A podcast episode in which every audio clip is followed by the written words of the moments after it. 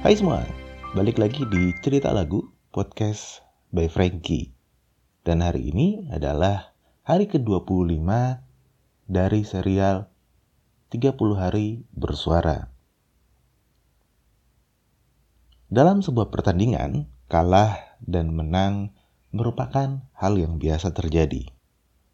Meraih kemenangan tentunya menjadi sebuah tujuan dan harapan utama dalam berkompetisi. Namun dalam sebuah kompetisi tidak semua pihak akan menang. Ada pihak yang gagal mencapai kemenangan dan pada akhirnya mengalami kekalahan. Kalah atau menang adalah hal biasa dalam sebuah kompetisi.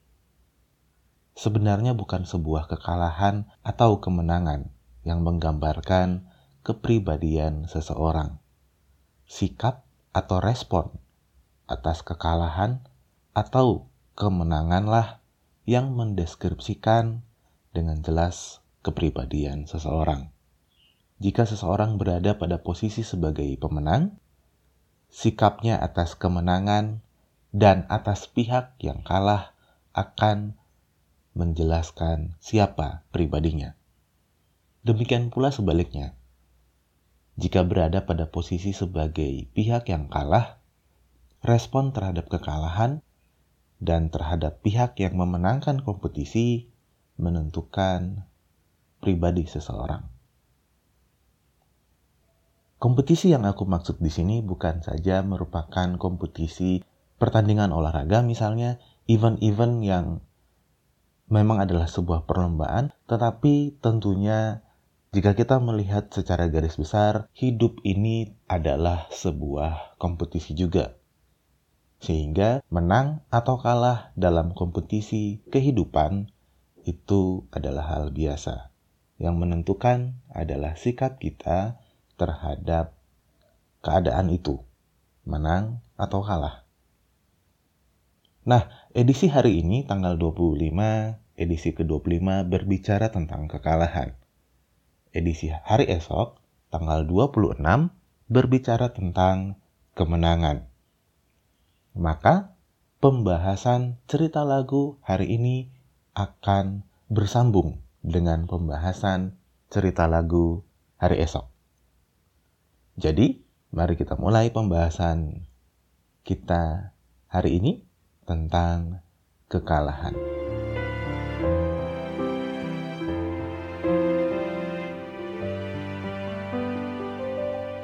Sebuah lagu dari Om Iwan Fals dari album Hijau tahun 1992 lagu 4 Menang adalah sebuah lagu yang menarik perhatianku ketika menulis tentang kekalahan dan kemenangan.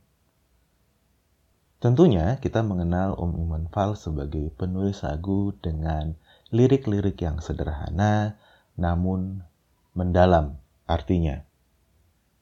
Kenapa kekalahan menjadi aib? Apakah itu kesalahan manusia? Biarlah aku kalah asal aku tak memperkosa.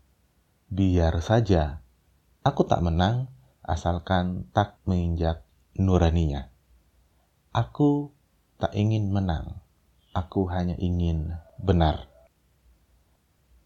Lagu Om Iwan Fals ini mungkin saja ditujukan untuk persoalan-persoalan sosial dan politik.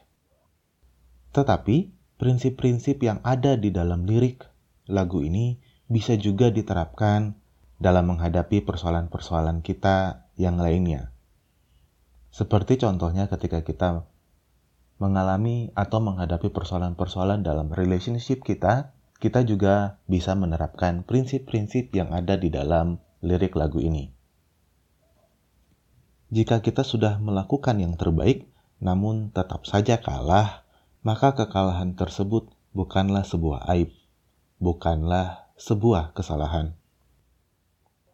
Jika prinsip ini kita terapkan di dalam relationship, maka jika kita sudah melakukan yang terbaik untuk hubungan kita, untuk pasangan kita, namun tetap saja dalam tanda kutip mengalami kekalahan karena putus dengan pacar, putus dengan pasangan, mungkin karena perselingkuhan, atau karena masalah yang lain, tetap saja ini bukan sebuah kekalahan. Dan tidak bisa disalahkan karena kita sudah melakukan yang terbaik. Jangan terpuruk karena kekalahan ini. Jika kita sudah melakukan segala sesuatu dengan tulus dari hati nurani yang murni, namun tetap saja kalah, maka biarkan saja tidak menang asalkan tidak menginjak nurani. Biarkan saja aku tidak menang asalkan nilai diriku tetap positif, tetap berdiri di atas nurani yang murni. Kita bisa menjadikan prinsip ini sebagai pegangan dalam menghadapi berbagai persoalan dalam kehidupan kita.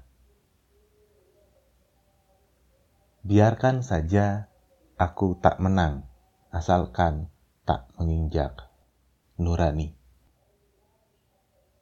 Seberapa pentingkah kemenangan jika kebenaran tak lagi dicari? Aku Frankie, sampai jumpa di edisi podcast selanjutnya.